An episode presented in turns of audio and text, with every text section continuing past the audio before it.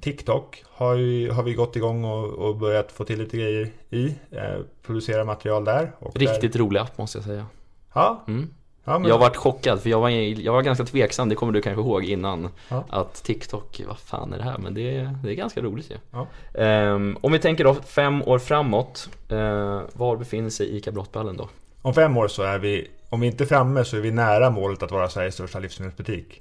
Och Sveriges största livsmedelsbutik, det innebär att vi säljer mer än alla andra livsmedelsbutiker och på så sätt så finns det flera människor som är beredda att betala för våra tjänster än i någon annan livsmedelsbutik. Och det innebär att vi är den livsmedelsbutiken som betyder mest för kunder över hela landet.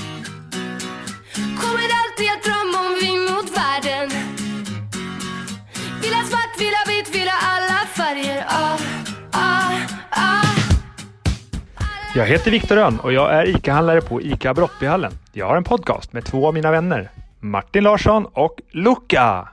Idag släpper vi ett avsnitt som bidrar till att förändra världen. Om du förväntar dig ett vanligt avsnitt av Gamla Regler så kan du glömma det. Det här avsnittet är en intervju som Martin Larsson gjorde med mig i november 2019. Du som lyssnar kommer att få insyn i varför vi slagit igenom på TikTok. Du kommer förstå bättre vad mitt yrke, ICA-handlare, innebär och varför vi på ICA Brottbyhallen gör det som vi gör. Vi är tillbaka med full kraft med ett vanligt avsnitt senare i veckan. Tillbaka till Martins intervju med mig nu.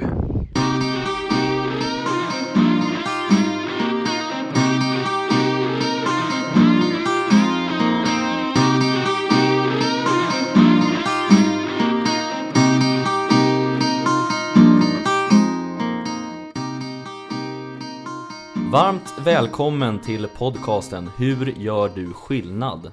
En podcast som ges ut av ICA Brottbehallen och syftet är att träffa intressanta gäster och ta reda på vad det är som driver personen i fråga. Mitt namn är Martin Larsson och jobbar som mediekreatör på just ICA Brottbehallen. Vi ska väl vara ärliga med att säga att det här kommer nog variera lite gällande vem det är som sitter som intervjuare. Eh, det kan vara både jag eller ICA Brottbehallens handlare då, Viktor Rönn, som faktiskt i detta premiäravsnitt är poddens första gäst. Kul att du kunde komma till podden Viktor. Tack Martin. Det här känns jättekul och spännande att köra igång detta spännande projekt. Ja, kan du förklara för våra lyssnare vart vi är någonstans? Vi sitter i mitt vardagsrum Ehm, och det, det känns helt naturligt att vi drar igång och podda med eh, de förutsättningarna som vi har. Vi har investerat i en schysst poddutrustning för att vi känner oss säkra på att vi vill göra det här. Men att vi ska sitta i en lokal som vi redan har, det Mm. känns, eh, det känns rätt. Så egentligen så ska väl du säga välkommen till mig eftersom det är jag som får komma hem till dig. Ja, jag hoppas du känner dig välkommen hit hem till Ja, mig. det, det tycker jag ändå. Du har välkomnat mig ganska bra tycker jag. Det finns kaffe på bordet så jag är, jag är nöjd. Jag, kräv, jag kräver inte så mycket mer. Eh, hur är läget med dig annars? Det är bra. Det är måndag förmiddag och eh, vi börjar veckan med att eh, fortsätta spela in den här podcasten. För vi ska ju vara ärliga med att säga att det, vi är nybörjare, så vi gjorde ett av de här vanliga nybörjarmisstagen. Ja, det vi kan säga med att vi eh, spelade in faktiskt redan i fredags och eh, då så Första delen utav inspelningen kom inte med helt enkelt eh, Viktor hade sagt till mig innan att ett vanligt nybörjarmisstag det är att man glömmer trycka på räck och det var väl det vi gjorde Och eh, när, vi, när, när jag kom hem sen och skulle redigera det där så såg jag att det finns ju inga filer och då Då blev jag inte glad men det är sånt som händer ibland eller hur? Ja, ja, ja, men och det, Man får testa Det- sig fram. ja, men och det är en viktig del tror jag för, för våran del. Att vi testar oss fram och så gör vi misstag och så lär vi oss av dem. Och, och vi behöver ju göra misstagen, annars så blir det bara platt. Det blir platt, exakt. Eh, vi är just nu inne i december månad. Eh, skulle du säga att du är nöjd med året generellt? Det börjar vankas. Året har varit helt fantastiskt. Det har hänt... Eh, ja, det- började med eh, ett strömavbrott i butiken i januari och att vi fick vara med i TV4s Nyhetsmorgon efter det eftersom att vi blev uppmärksammade eh, som en positiv lokal kraft i samhället. Jag och mina medarbetare och sen har det bara rullat på. Så året har varit helt fantastiskt och nu är vi inne i december och ja, satt lite ribban för ett bra år att toppa framöver. Ja, verkligen. Men eh, Nyhetsmorgon, hur var det att vara med där då? Det var spännande. Det var, det var en ny upplevelse med att det var livesändning eh, utan någon kameraman på plats utan jag fick hålla upp telefonen och så fick jag prata Det, det var med Soraya och eh, Det var med Soraya och eh, Jesper Börjesson va? Ra- Ranja heter de va? Ranja kanske det var, Ja, just det, just det. Ranja och Jesper var det. Mm. Och det var, ja, det, det var, de var duktiga på att intervjua, det var ganska lätt, eh, tyckte jag. Man, man, jag fick prata om det som, prata om våran verklighet och det var på så sätt väldigt, en väldigt enkel intervju att genomföra. Men sen var det ju nytt att det var ju riks-tv liksom. Mm, det måste varit häftigt Ja, eh, och det är en del i liksom varför vi sitter där vi gör nu. Att, att jag lärde mig att det, det, det är viktigt för butiker eh, att, att kunna markera vad de står för och att synligheten som det ger när man blir uppmärksammad har ett, har ett väldigt stort värde. För att då kan man som butik och eh, handlare eh, markera vad man, vad man själv står för och eh, tydliggöra det för ens kunder, vilket de uppskattar. Erkänn också att det var lite skönt för självförtroende också att få synas i Riks-TV Det måste jag vara Det, ärlig med att det, säga det var det så. Och, och, det, och jag, tycker, jag tycker om att få uppmärksamhet för att jag har gjort bra saker. För att det... det jag menar, då, det, det, det är ett kvitto på att man har gjort någonting som är bra. Så på så sätt så, så, så är det en klapp på axeln utan tvekan. Jo, vi ska inte fastna allt för eh, länge i den här Nyhetsmorgon-deltagandet. Eh, eh, jo, själva anledningen till hela den här poddens existens, det är ju att du eller jag, beroende på vem som sitter, som sitter och rattar det här skeppet, vill djupdykna i drivna människors drivkrafter och vad som gör att just gästen engagerar sig i oavsett vad hen håller på med i princip. Eh, och som ett litet specialavsnitt här i början så kommer jag därför intervjua dig i just dessa saker som jag nämnde, vad det är du drivs av. Och så jag kan lära mig helt enkelt vad Så jag kan lära mig mer om dig helt enkelt. Eh, och eh, Faktaruta är ju ett välkänt och etablerat grepp i podcastvärlden. Men i den här podden så kommer vi välja faktiskt att kalla det för informationsruta. Varför vet vi inte eh, Båda har ju egentligen samma betydelse men av oklar anledning så tycker jag att informationsruta klingar bättre i mun helt enkelt eh, redo för informationsrutan?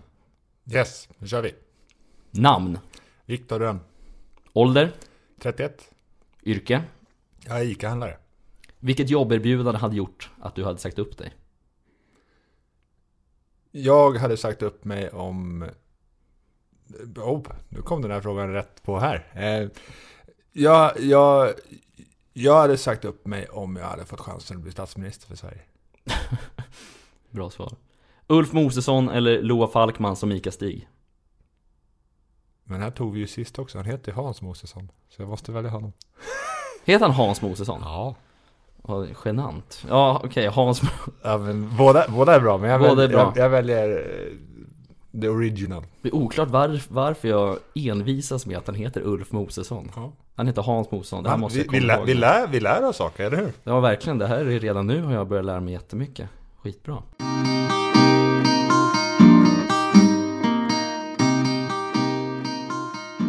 Du nämnde i informationsrutan eh, på yrke att du är ICA-handlare. Varför blev det så?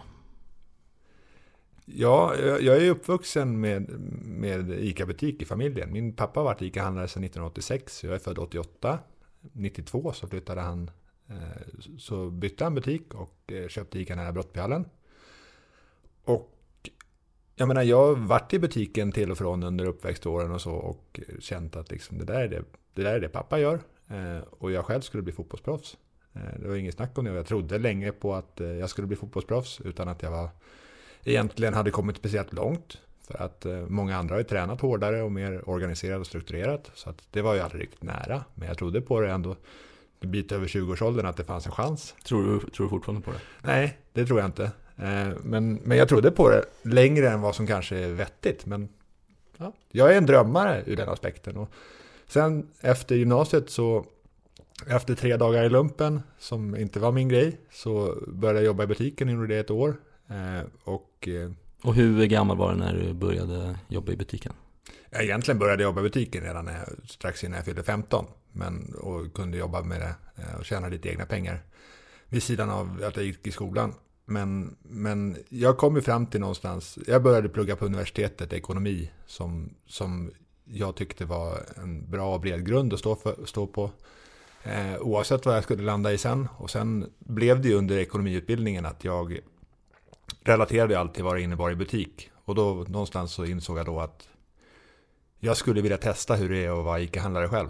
Och sen har ju det liksom krävt hårt arbete för att komma dit. Eh, att, eh, att lära mig vad det innebär att driva butik och skaffa mig all, all den grund som krävs för att jag ska kunna bli, bli godkänd som ICA-handlare. Eh, för att det krävs att man uppfyller kompetenskrav för att få generationsskifta en ICA-butik. Och det gjorde jag under förra året, och, eh, vilket ledde till att jag första juni förra året eh, köpte butiken av, av mina föräldrar. Eh, så att, ja, nu är jag ICA-handlare, har ingen chef. När var det du yttrade för dina föräldrar som var ICA-handlare innan, eller din pappa som var ICA-handlare innan, att eh, du vill ta över butiken? Jag vet faktiskt inte, eh, ärligt talat, men, men vad kan det ha varit? 23, 24 någonting? Men var det ett självklart val att, eh, alltså hade du siktet på att bli ICA-handlare även när du gick in i ekonomiutbildningen? eller? Nej, inte när jag började. Absolut inte. Det var, det var, då skulle jag fortfarande bli fotbollsproffs. Mm. Men hur, hur kommer det sig att du ville plugga ekonomi då? Nej, men det, det, jag har, en, en del i det är att jag har alltid haft ganska lätt för siffror. Eh, som jag tänkte att ekonomi, det handlar om siffror. Sen lärde jag mig under utbildningen att ekonomi handlar först och främst inte om siffror utan om människor. Och människor tycker jag är intressant. Eh, och i det så landade jag i att jag, jag pluggade ju inriktning, organisation och management. Som var, som var liksom det jag tyckte var allra intressantast. Att liksom hur man kan göra saker tillsammans med andra människor. Så att på så sätt så, så, så hamnade jag... Det, det, blev, det blev naturligt och sammanhängande på ett sätt som, som gjorde att utbildningen gav mig väldigt mycket. Som till exempel vad? Nej, men en, en bred förståelse för vad som krävs för att driva ett företag. När det kommer till att, jag menar ekonomiutbildningen, att det är såväl liksom redovisning som finansiering som marknadsföring och organisation som är viktiga delar i att driva ett företag och som man behöver ha kunskaper i och kontroll över för att få till en bra helhet. Och du känner att du har fått nytta av det i jobbet som ICA-handlare under ditt första år? Ja, Två jätte, år. jättemycket. Och jag menar åren innan när jag, när jag, när jag drev företaget som butikschef hade jag också jättemycket nytta av det. Ehm, sen under första året som ICA-handlare så har en stor del av fokuset hamnat på jag menar marknadsföring har varit en del som har synts utåt men en viktigt fokus har ju varit organisation och hur vi organiserar företaget. För att vi, vi är ett väldigt snabbt växande företag och det ställer väldiga krav på att vi har rätt strukturer på plats och rätt organisation. Och där, där det blir Eh, fokus på de delarna för att kunna, kunna möjliggöra att få utlopp för marknadsföringen så att vi kan växa. Och marknadsföringen, det är ju något som du du eh, tycker är väldigt viktigt av vad jag har märkt av att jobba med dig. Det är därför jag är anställd bland annat. Eh, hur, hur är skillnaden marknadsföringsmässigt för butiken? Skillnad från din pappas när han var ICA-handlare eller och när du är ICA-handlare? En, en väldigt påtaglig skillnad är ju allt som sker kring, kring möjligheterna som internet har skapat och skapar mer och mer för varje dag som går. Att det är väldigt mycket lättare att komma ut till människor med sina budskap och går extremt mycket fortare än vad det tidigare gjort. För att den klassiska liksom, marknadsföringen i, i dagligvaruhandeln är att man, man skickar ut reklamblad i folks brevlådor och man gör tidningsannonser och det man annonserar det är bara en vara och vad den kostar. Eh, det, det är det som är det historiska liksom, som, man, som man marknadsför sig. Medan nu är vi inne i ett skifte där det handlar om att jag menar, som jag ser på det så är det viktigaste att, som det handlar om är att bygga ett, sitt varumärke. Och att bygga varumärke gör man inte med Varapris. För Varapris har alla. Bygga varumärke gör man med att berätta historier om människor och vad man... Eh, att man berättar vad ens företag står för och vad företaget vill uträtta i världen. Och, och, och där, eh, där vet jag att vi är väldigt långt framme i våran butik eftersom att vi, vi försöker testa oss fram och eh, se till så att vi ligger väl positionerade i när det dyker upp nya medier. Som att nu har vi börjat trumma på i TikTok. Det är Mm. inte så många andra ICA-butiker som gör eller så många andra företag överhuvudtaget än. Även om det finns andra som ligger långt framme också. Och skulle du kunna säga vad, vad går ditt jobb ut på? Svår fråga kanske men... Nej, men mitt, mitt jobb går ut på att se till så att ICA Brottbjällen gör maximal skillnad i samhället. För eh, medarbetare, kunder, alla övriga intressenter. Alltså när det kommer till eh, ICA Sverige, våra liksom, eh, intressenter i form av långivare, eh, kommunen, staten, all form av omgivning till företaget. Liksom. Det ska, företaget ska generera så stor gemensam nytta som möjligt. En viktig del liksom, i den klassiska kapitalismen är ju att, är, handlar ju om att maximera aktieägarvärdet. Och så driver inte jag mitt företag. Det är jättetrevligt om vi gör vinst på sista raden, absolut. Och i och med att jag äger 100% så är det jag som drar nytta av det. Men som jag ser på det så handlar företagande idag och framåt om att göra någonting mer. För, för, som, är, som inte bara handlar om att, liksom, att maximera din egen nytta. På det, vilket sätt då? När det kommer till exempelvis nu att göra en podcast. Vi sitter här och gör en podcast till viss del för att vi tycker att det är roligt och för att vi vill lära oss saker själva. Men vi tror också att, att vi kan uträtta någonting för våra lyssnare. Att kunna ge dem någonting som de drar nytta av. Och den enda nyttan vi själva har i det är att det känns ju bra att kunna hjälpa någon annan.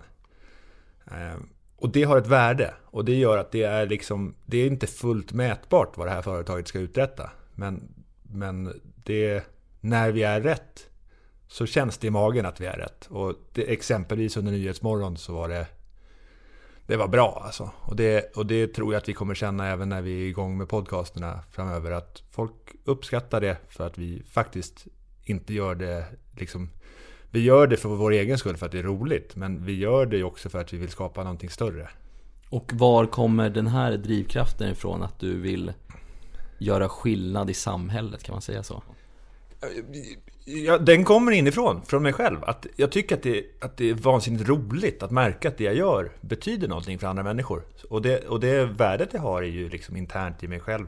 Så att på ett sätt egoistiskt ur den aspekten.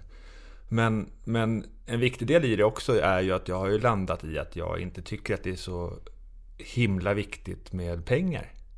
För varit så? pengar begränsar människor i stor utsträckning.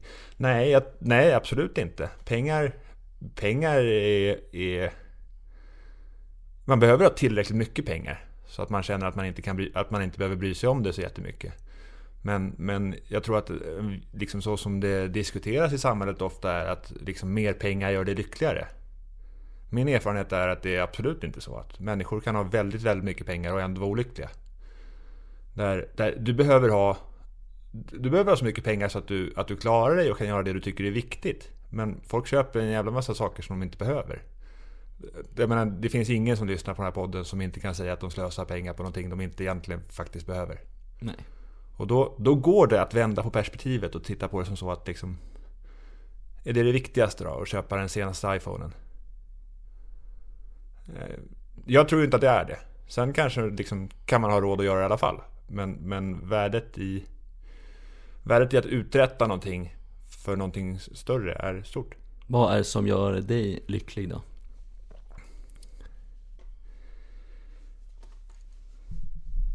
Ja, eh, det, det, är, det är i, i grunden att kunna känna att det jag har gjort har, har, har gett andra människor någonting. Eh, det, jag har inte alltid sett på det som så, men att kunna ge bort saker och ting som, som på ett osjälviskt sätt. Att känna att jag gör det och det, kän, liksom, det känns bra. Eh, sen är det ju liksom att, att känna, en, en viktig sak som... Eh, frågan var om vad som gör mig lycklig. Ja. Det, en frihetskänsla är jätteviktig för mig och där är en stor grund i det är ju att vara min egen chef. Som underlättar väldigt mycket för mig som många andra inte kommer åt. Att jag kan välja nu på måndag morgon att sätta mig och spela in en podcast för att det är det jag vill göra.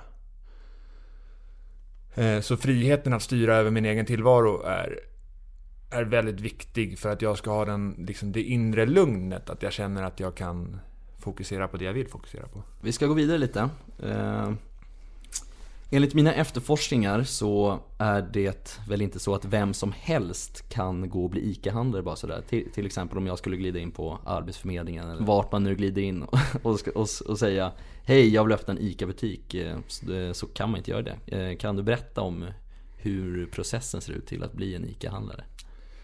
Ja, eh, väg, väg, karriärbanan dit kan se väldigt olika ut. Men så som det fungerar egentligen är att varje gång som en ICA-butik eh, som en ny ICA-butik öppnas eller någon befintlig ICA-handlare vill lämna sin ICA-butik. Oavsett om det handlar om att du ska flytta till en annan, eller ska gå i pension, eller sluta börja göra någonting annat. Så fungerar det ungefär som en anställningsprocess. Att eh, det annonseras ut en butik eh, som visserligen hamnar internt inom ICA, men det går ju att komma åt om man har rätt kontakter. Eh, så att man får veta att det liksom, man, kan, man kan anmäla sig till de som jobbar med handlarrekrytering på ICA och säga att även om du inte jobbar på ICA, att du är intresserad av att börja söka butik. Eh, och då, då gör du som så att du, det, det, du, vad heter det? Ja, men du får läsa på vad, vad som krävs för den. Det finns, det finns tydligt specificerat vad som krävs för att få vad som krävs i utbildningsnivå och kompetens för att få den. Och sen får du besöka butiken och titta och tänka till vad du skulle vilja göra med den. Så får du skicka in ditt CV och liksom en, en motivering varför du tycker att du är den mest lämpade kandidaten. Och sen så är det en intervjuprocess där, där det sållas vilken kandidat som är mest lämpad. Och sen så den som är mest lämpad blir erbjuden att köpa butiken och där är det eh, det handlar ju inte om vem som vill betala mest för den utan den som får ta över butiken är den som är bäst lämpad att kunna driva den. Och det är ett sätt liksom att ta fram det som vi har som vi har kommit överens om internt inom ICA för att få de bästa handlarna. Att det handlar inte om vem som har mest pengar utan vem som är bäst, bäst lämpad för att driva butiken. Och sen i allmänhet då när man köper den så, så blir den till, liksom, till viss del blir den finansierad av ICA till att börja med. Eh, och du får gå in med en liten del av dig själv. Så att det krävs inte att du har jättemycket pengar för att bli ICA-handlare. Det krävs inte att du har mycket pengar överhuvudtaget. Däremot så krävs det att du har skaffat dig rätt erfarenheter för att kunna vara kompetent nog att driva den.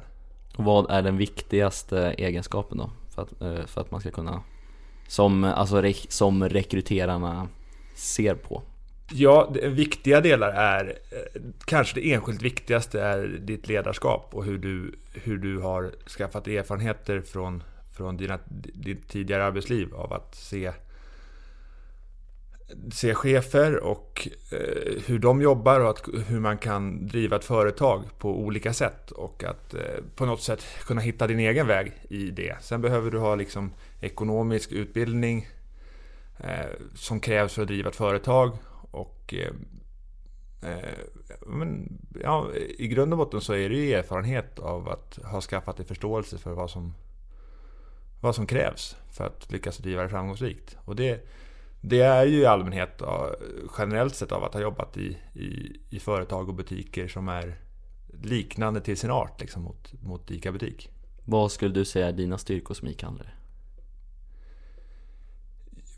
Ja, alltså min min stora styrka det är ju min drivkraft, att jag verkligen vill uträtta någonting. Att, eh, att, jag, eh, att jag inte är nöjd, eh, utan att jag, jag har ett stort fokus på att liksom varje dag försöka göra det lite bättre än dagen innan. Att jag, jag, jag menar drivkraft, hunger. Drivkraft, hunger? Ja. Kan du, de, de kan du jag menar att jag, jag, jag, jag menar jag, som det är just nu så har jag sagt att min ICA-butik ska bli ska bli Sveriges största livsmedelsbutik. Och jag tänker inte nöja mig förrän jag har verkligen gjort ett ordentligt försök att ta mig dit. Eller nöja mig. Jag kan vara nöjd i stunden också. Eh, men, men jag tycker väldigt mycket om skapandet. Att, att tillsammans med andra människor bygga någonting som är som, som, som har ett värde för andra människor. Eh, och där är det ju liksom rätt så naturligt i butik att tillsammans med de medarbetare man har att vi är runt 30 stycken. Vi bygger någonting som betyder någonting för eh, runt 1000 kunder varje dag. Och det blir ju betydligt fler än så man, när man slår ut över tid. Men där det roliga är att se att det vi 30 personer gör tillsammans betyder någonting särskilt för de som är inne och handlar hos oss. Och hur ska då ICA Brottballen nå dessa målsättningar om att bli Sveriges största, ICA, eller största livsmedelsbutik? Ja, vi ska, till stor del så handlar det om att vi blir skickligare på att kommunicera ut vad vår butik står för och vad vi vill uträtta i samhället. Eh, där kommunikation är en jätteviktig del. Och att eh, den andra delen som är jätteviktig är att ha ett, ständigt ha ett stort fokus på de små detaljerna. Att små detaljer varje dag i butiken. Att vi, att vi försöker göra allting så bra som vi kan och att se till att skapa en delaktighet bland alla medarbetare. Att alla medarbetare är viktiga och alla medarbetare kan, kan påverka i sitt dagliga för att vi ska bli bättre. Det är liksom ingen som som behöver sköta sitt jobb liksom för att någon har sagt åt dig att du ska göra så här. Jag vill få till en, en miljö där alla medarbetare känner att jag är här och jag är här för att göra någonting speciellt. Och det, det, är, liksom, det är mina styrkor som ska göra det så bra som möjligt. Eh, det är inte för att jag är här för att bara göra ett jobb. Eh, sen, sen kan det vara okej att det känns så i omgångar också. Men man ska ändå känna i det dagliga att man kan, man kan påverka sin arbetssituation, eh, sin arbetsplats och, och vad arbetsplatsen levererar för någonting till kunderna. Tycker du att dina anställda känner så att de också vill vara med på resan och göra? Ja, ja, ja det är min, absolut min bild och att vi är på väldigt god väg att åstadkomma någonting riktigt speciellt där. Du har ju framförallt det senaste året satsat väldigt mycket på onlinehandeln och onlineförsäljning. Eh, hur kommer det sig att du ville satsa så mycket på det?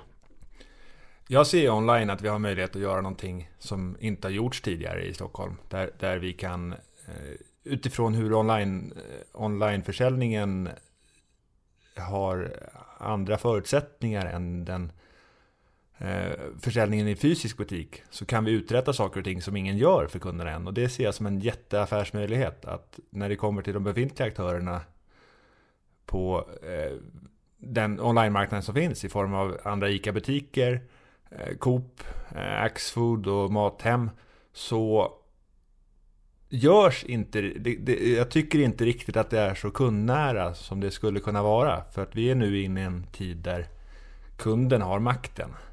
Och det tror jag att vi har en jättemöjlighet att omfamna med att se till så att vi är den butiken som är personlig på nätet och lyssnar på vad kunderna vill ha och ger dem det de vill ha. Och tillsammans liksom hitta gemensamma nyttor för våran butik och kunden. Eh, där, där pris för våran del har varit en viktig väg in. För att i grunden så handlar väldigt mycket i Väldigt mycket i försäljning handlar om varumärke. Och på online-marknaden så har Mathem lyckats bygga ett starkt varumärke genom att ha marknadsför sig riktigt tungt. Eh, och nu är vi inne i att vi på ICA Brottbyhallen lägger mycket energi på att på ett eh, lite annorlunda sätt nå ut i vår kommunikation och marknadsföring till kunden där vi, där vi tror oss kunna erbjuda någonting som är prisvärdare än vad övriga aktörer är och det är det idag för vi har vunnit de allra flesta prisjämförelserna som var 2019. Och nu försöker vi bygga på det med att, en, med att göra någonting ännu mer för kunden där vi, där vi gör det lättare för kunden att storhandla och bunkra varor som, som man faktiskt inte skulle vilja handla i fysisk butik. Alltså det är besvärligt och otympligt att släpa toapapper i stora volymer, tung läsk och, och skafferivaror. Det finns en anledning att få de sakerna hemlevererade eller hämta upp dem i en butik där man kan få dem inlyfta i bakluckan. Eh, för att spara tid och, och, och liksom sin egen, sin egen värdefulla tid. Och där, där eh, tror jag att vi kan bidra med annorlunda perspektiv och annorlunda lösningar än vad, än vad andra aktörer har. Och, och där är ju prissättningen är ju en viktig del. Och att jag tror inte på att varor ska kosta samma sak online som i fysisk butik. För du har inte samma köpbeteende som kund. Och är det någonting som, som man som butik kan erbjuda billigare på nätet, ja men varför ska vi inte göra det då? Eh, och där tycker jag att övriga aktörer är liksom de tänker för begränsat. Eh, för att priset ska vara annorlunda på nätet. Och i den mån man kan sätta det lägre så är det det kunden vill ha. Då tänker jag ge det till kunden. Du har ju tagit på dig en ganska kaxig roll gentemot andra ICA-handlare där du ofta lyfter då saker ICA Brottballen är väldigt, väldigt bra på. Eh, och vad har, vad har du liksom för tankar kring att folk uppfattar dig på det sättet? Typ som att ICA Brottballen levererar den billigaste matkassen online. Ja, ICA lever ju historiskt sett på att vi, att vi är väldigt skickliga på att testa saker och att konkurrera. Konkurrera med varandra och konkurrera med andra genom att man vågar prova nya idéer och nya lösningar. Och som jag såg på e-handeln i Stockholm var att när vi gick igång så var inte min plan att bli billigast på allt som vi nu faktiskt har blivit i de prisjämförelser som har gjorts. Utan att ha, bli en nischaktör där vi, där vi fokuserade på lågpris på frukt. För att jag tror att Eh, kunder i allmänhet vill kunna äta mera frukt än vad de gör. Eh, och det kan vara svårt att se till så att man har frukt hemma. Och ur den aspekten så tänkte jag att jag menar, vi ser till att ge kunderna ett bra pris på frukt så kanske de är intresserade av att köpa annat också. För att då, då förenklar vi och förbättrar för kunden om de kan köpa frukt billigare. Och den har vi hållit i. Sen så märkte jag att det var mm, vi var ju billiga på mycket och att det, det går att liksom se till så att vi, att, vi, att vi kan ge kunderna mer utifrån våra förutsättningar. Både med lägre priser och mervärden på alla sätt som, som man som kan tänkas. Jag menar exempelvis att butiken är engagerad i att liksom bidra i lokalsamhället i, i, i Brottby är en del, men i hela Stockholm är ju en, liksom en, en målsättning som har vuxit hos mig. Och där en viktig del som det är nu, vi, vi bygger på affären med sånt som vi, tycker, som vi tror kan med, bidra till människor. Eh, vi spelar in en podd för att vi tror att vi har någonting intressant att bidra med i, en, liksom, i, det sto, i samhället i stort. Hur tänker andra ICA-handlare tror du kring din framfart? Ja, men jag syns så pass mycket så att, så att väldigt många ser det jag gör. Och eh, min ambition i det är att visa att man kan, man kan vara den man är. Och, och, och liksom se till att använda sina styrkor för att nå ut med vad butiken kan bidra med till människor. Och i mitt fall så, så vill jag säga som saker och ting som de är. Och eh, då kan det upplevas som kaxigt. Och eh, jag har inga, jag har inga problem med att vara kaxig. Jag tänker göra skillnad i samhället och då är jag kaxig på vägen så tycker jag att det är okej okay, så länge inte jag liksom kör över andra människor och skadar andra människor. För det tycker jag, det går emot mina värderingar. Men att vara kaxig i sig, det, jag ser inte så mycket negativt i det ordet, ärligt talat. Utan bara positivt? Nej, men jag vet ju att andra människor uppfattar kaxighet som att det kan vara ett negativt laddat ord. Men, men eh, kaxighet, självförtroende, att eh, liksom gå för det man, det man vill göra. Det, det, det, jag om jag ska lyckas så måste jag liksom vara sann mot mig själv och göra det, göra det jag tror på. Och sen vad andra tycker om det, ja, de får tycka vad de vill. Så. Eh, någonstans så tror jag att det viktigaste är att man fokuserar på vad, jag, vad kan jag, jag göra i min situation. För att vad andra gör kan man i ganska liten utsträckning påverka i alla fall.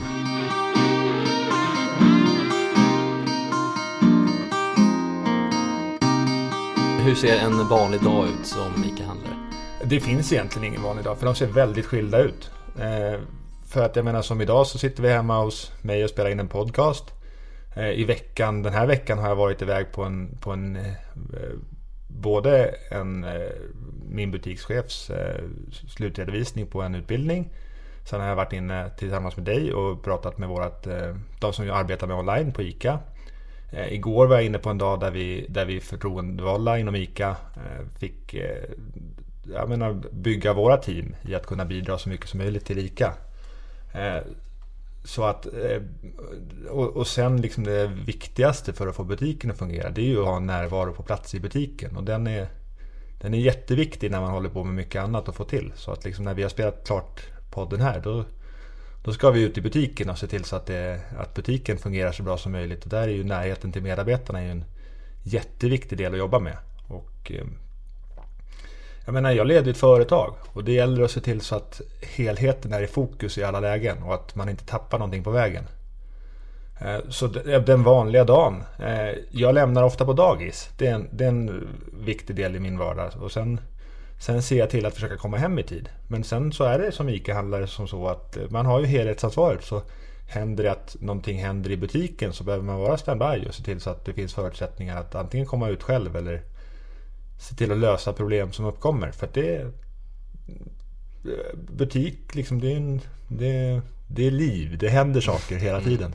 Tycker du om den här, eh, det här livet då? Att det ena dagen kan det vara en hel dag i butiken, vissa dagar kan det vara på ICAs huvudkontor, vissa dagar kan vi sitta här och spela in en podcast. Tycker om att det är liksom att livet är ganska levande så utan, och att det inte bara är 9 till 17 liksom kontorsjobb hela tiden. Ja, men jag älskar det. Det är helt fantastiskt att kunna välja varje dag vad jag vill göra. Jag menar, skulle jag landa någon dag i att jag inte vill gå upp ur sängen så det är okej okay för mig. Det händer aldrig. För att jag har så mycket kul som, som pågår. Eh, och därför så... så nej men, det, det är roligt med friheten och det stora ansvaret. Jag tycker väldigt mycket om att ta ansvar. Eh, och det är inte alla som, alla som tycker att det är någonting som har ett stort värde. Men liksom, om, man, om man har ett stort ansvar då kan man också göra stor skillnad. Och det är ju liksom den samlande punkten i att jag vill, jag vill göra skillnad för min omgivning. Hur tänker du när du ska anställa nya personer? Eh, vad är viktigt för dig? Hur en medarbetare på ICA Brottballen ska vara? Ja, som det ser ut just nu så, så har jag sedan ungefär ett år tillbaka inte, inte ansvaret för anställningsintervjuerna i grunden och så, utan det det är min butikschef som har. Men för min del så är det jätteviktigt ändå att vi har en samlad bild av vilka vi vill att ska jobba i butiken. Och det allra viktigaste det är att man är en liksom socialt kompetent person. Att man, att man, är, att man är bra mot andra människor. Det är det enskilt viktigaste. För det tror jag är svårt att lära sig och ställa om en sån sak. Att där, ja, man behöver vara en, en schysst kompis så att man kan vara en schysst medarbetare. Det, det är den viktigaste grundläggande saken. Eh, sen om man har erfarenhet sedan tidigare inom inom branschen eller inom någonting som vi behöver göra så är det väldigt meriterande. Men, men att, att, att vara en god medmänniska, det är väl någonstans det viktigaste. Det är grundinställning i livet liksom. Ja, men det, det, är viktigt att alla som arbetar i butiken tar väl hand om varandra och våra kunder och, och vår omgivning på alla sätt. Eh, och att det engagemanget finns på plats. Hur kommer det sig att du ville ha en eh, eh, butikschef överhuvudtaget? Det har att göra med att det, det, ställs väldigt mycket krav på ledning för att leda ett företag i allmänhet och ett, i mitt fall en ICA-butik där, där rutiner och att, att ha en struktur för hur man får allting som är viktigt att få gjort. Att man lyckas genomföra det. Det, det är ett det är ett arbete som kräver att man, eh, att man lägger ner en hel del energi på, på många olika saker. Och en, i en företagsledning i en ICA-butik så behöver man vara flera olika människor som är engagerade i att, i att ta ansvar för de viktiga sakerna vi behöver göra. Och eh, jag landade ju i eh, någonstans för ungefär, vad blir det då? Det blir, det blir två år sedan. Någonting att, att jag kommer inte klara av att göra både ICA-handlarjobbet och butikschefsjobbet. Och då behöver jag anställa någon som kan avlasta mig och göra saker och ting saker och ting som jag inte är bäst på. Bättre än vad jag gör. Och, och sen är det ju viktigt också att omge sig med människor som man kan lära sig någonting av. Och där är, det var en del i varför, varför jag anställde just Madde. Att hon har saker och ting som jag kan lära mig av. Är, är det vanligt att eh, anställa butikschefer nu? Eller är du lite av en föregångsfigur? Nej, butiks, butikschef är, är, är, vanligt att ha. Eh, inte minst i större butiker. Det finns väldigt mycket mindre ICA-butiker där, där eh, ICA-handlaren och butikschefen är samma person. Men i större butiker i allmänhet så, så finns det absolut i de, all, de allra, allra flesta. En väldigt stor del av dem. Eh, så att det, det, är ingenting nytt på något sätt. Eh, utan det är en liksom, ja, ett vanligt sätt att organisera sin ledning i en butik. Och sen att man arbetar med ledningsgrupp och eh, att, att använda sig av, av väldigt, alltså så många människors kompetens som det bara går. Det är viktigt att lyckas. Um, jo, vi ska gå vidare lite då. Um, jag tänkte på, du har ju nämnt eh, parametrarna om att du tycker eh, alltså hur människors värdegrund är väldigt viktigt när du anställer personal. Eh, hur tänker, eller hur tror du att du uppfattas som chef på ICA Brottbyhallen? Jag vet ju att liksom det syns ju i det här med att jag eh, uttalar mig i, i våra sociala kanaler, kanaler och media och så. Och den här kaxigheten som kan uppfattas hos andra. Den syns ju och alla, liksom alla ser den ju, och medarbetare inte minst. Och eh, en utmaning som jag har där är ju att jag är ganska så snabb till handling och ofta så kan jag kommunicera ut saker och ting på sociala kanaler som kanske jag inte har hunnit förankra fullt ut i butiken. Och det kan ju vara en utmaning för mig att jag behöver jobba som det ser ut just nu mera med, med förankring och, och sådana sidor. När du nämner förankring eh, kan du utveckla? Ja men att information är väldigt viktigt. Nu, i, i butiken så, så är ju medarbetarna beroende av att de har rätt information för att kunna göra sitt jobb.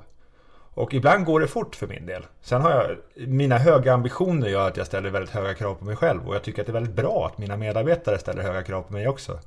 För det ger mig själv eh, möjlighet att utvecklas. Och just i år, 2019, så har jag haft ett stort fokusområde för min egen del. Att jobba med min tydlighet.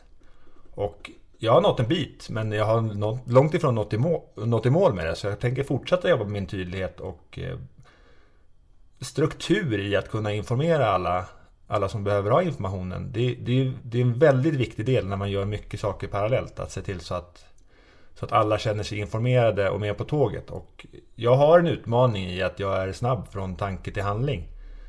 Som där jag behöver jobba med mina medarbetare med att eh, komma närmare dem och vara nära dem. För att det är jätteviktigt att känna att man har en, en eh, chef och en, liksom i det här fallet ICA-handlare och ägare av bolaget som är engagerad i människorna. För att det, det alla behöver bli sedda. Mm.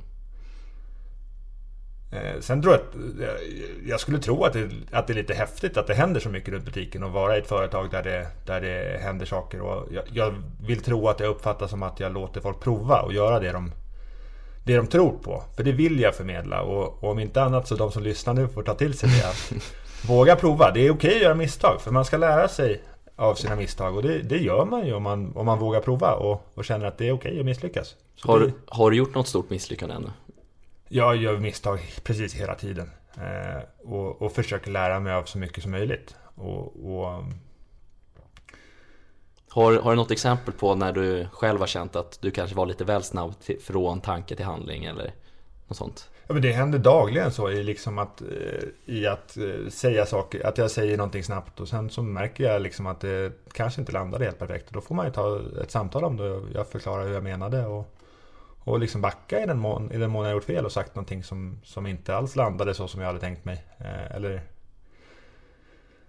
eller så. Det, det, är ett ständigt jobb med att liksom se till att man att jag eh, arbetar med att lära mig av, av det som sker. Och det bidrar ju till en snabb utveckling i att, man, i att jag ser till att eh, våga prova och våga göra misstag.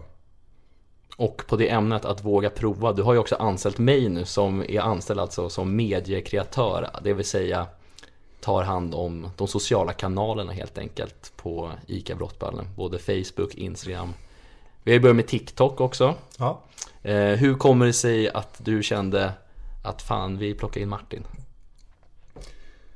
Ja, vi har ju spelat fotboll ihop i ett antal år. Och mm. jag har ju följt din resa i att eh, jag har pratat med dig och hört liksom vad, vad du har pluggat på, på Kaggeholms folkhögskola i, i medieproduktion. Och eh, någonstans liksom så som jag känner dig i hur vi har pratat med varandra så har jag förstått att du vill jobba med det här. Och eh, då vart det någonstans när jag landade i att vi vill, jag vill att vi gör mer i det här. Så började jag fundera kring liksom, hur kan vi få till det här? Och då tänkte jag ju liksom ganska så snabbt på dig i att du har en liksom lämplig utbildning för det. Jag känner, precis som jag utvecklade innan om vad jag vill anställa för människor så är du en människa som jag känner väl och därför vet att du har goda värderingar och är en, en glad kille. Eh, och sen så i, ur den aspekten att jag vill göra skillnad för andra människor. Om, om, när du vill jobba med det här och du, liksom som det ser ut just nu, som det såg ut då i livet, att du, du arbetade med att köra bil på Mathem. Ja, oh, fy fan. ja. Då, då, då hamnade du i att du hade en utbildning som du inte fick utrymme att praktisera och där jag såg att liksom, om, om vi gör det här så finns det så mycket vinningar. Både i att bolaget blir bättre på att göra saker som jag anser att vi behöver göra. Jag kommer ha väldigt roligt på vägen. Och jag menar en människa jag tycker om och, och känner förtroende för får möjlighet att, eh, att arbeta med någonting som han ser som som, som sin karriär. Och att eh, liksom kunna ge utrymme för dig att pröva dig fram och, och, och, få praktisera det. det. Det är så mycket vinningar så att det liksom någonstans så blev det så blev det självklart att höra av mig till dig och berätta om, om att det här skulle jag vilja göra. Och nu sitter vi här. Nu sitter vi här. Vad är den stora skillnaden som har hänt sedan jag kom in? Vi, vi är ju igång och gör saker och producerar hela tiden, vilket var en väldigt viktig del som jag såg på det. Att vi, vi behöver göra mycket för att kunna lära oss av vad det är som fungerar bra. Eh, och att eh, det har, saker och ting faller på plats för varje dag som går. Att det var inte självklart för alla medarbetare med, med din roll när du skulle kliva in.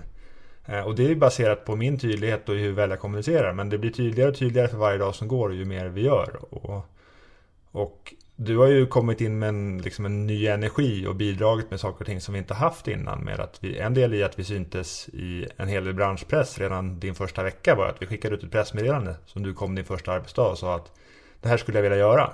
Och då skickade vi ut det. Och jag menar fyra dagar senare så stod det om dig i varenda branschtidning. och det var ju häftigt. Och sen, sen Instagram, jag själv har aldrig varit speciellt intresserad av Instagram. Eh, av någon anledning, mycket annat att fokusera på. Och där i butiken har en betydligt bättre närvaro på Instagram, som det ser ut just nu. TikTok har, ju, har vi gått igång och, och börjat få till lite grejer i. Eh, producera material där. Riktigt där, rolig app måste jag säga. Ja, Mm. Ja men, Jag varit chockad för jag var, jag var ganska tveksam, det kommer du kanske ihåg innan. Ja. Att TikTok, vad fan är det här? Men det, det är ganska roligt ju. Ja. Ehm, om vi tänker då fem år framåt, eh, var befinner sig ICA Brottballen då? Om fem år så är vi, om vi inte är framme så är vi nära målet att vara Sveriges största livsmedelsbutik. Och Sveriges största livsmedelsbutik, det innebär att vi säljer mer än alla andra livsmedelsbutiker och på så sätt så finns det flera människor som är beredda att betala för våra tjänster än i någon annan livsmedelsbutik. Och det innebär att vi är den livsmedelsbutiken som betyder mest för kunder över hela landet. Sen så utöver det bidraget där så kommer vi att ha bidragit till att det blir ett eh, det blir ett mera kundnära synsätt i butik i allmänhet. För att det är det vi kommer vinna på. Att vi är nära kunden och konsumenten och liksom samhällsmedborgaren. Och eh, både genom vad vi gör i vår butik och i vår kommunikation. Att vi, vi visar upp att vi vill bidra med någonting. Det vi gör i poddformatet, i att vi kommer att intervjua människor som vill göra skillnad, kommer göra att vi lär oss saker och blir bättre på att bidra själva. Vi kommer också att lämna utrymme för andra människor att lyssna och lära sig av det. Och vi, vi skapar ju inte saker för oss själva utan det är för att bidra i samhället. Och ju fler som kan lära sig tillsammans med oss desto kraftfullare kommer, kommer det att bli. Med de orden så tycker jag att vi avslutar då det första avsnittet av podcasten Hur gör du skillnad? Tack Viktor för att vi kunde komma hem till dig och spela in det här avsnittet. Tack, det här var jätteroligt. Och eh, så får vi väl se när nästa avsnitt kommer och eh, om det kanske är en annan gäst nästa gång. En annan gäst kommer det att bli. Det kommer inte vara jag nästa gång. Så Nej. håll utkik. Vill du ge en liten hint på vem det kanske kan vara eller har Nej, du får klart? hålla utkik. Det, det, det är hemligt. Men du kommer inte bli jätteförvånad. Okej. Bra, då avslutar vi. Tack för att ni har lyssnat. Vi hörs. Hej då! Hejdå!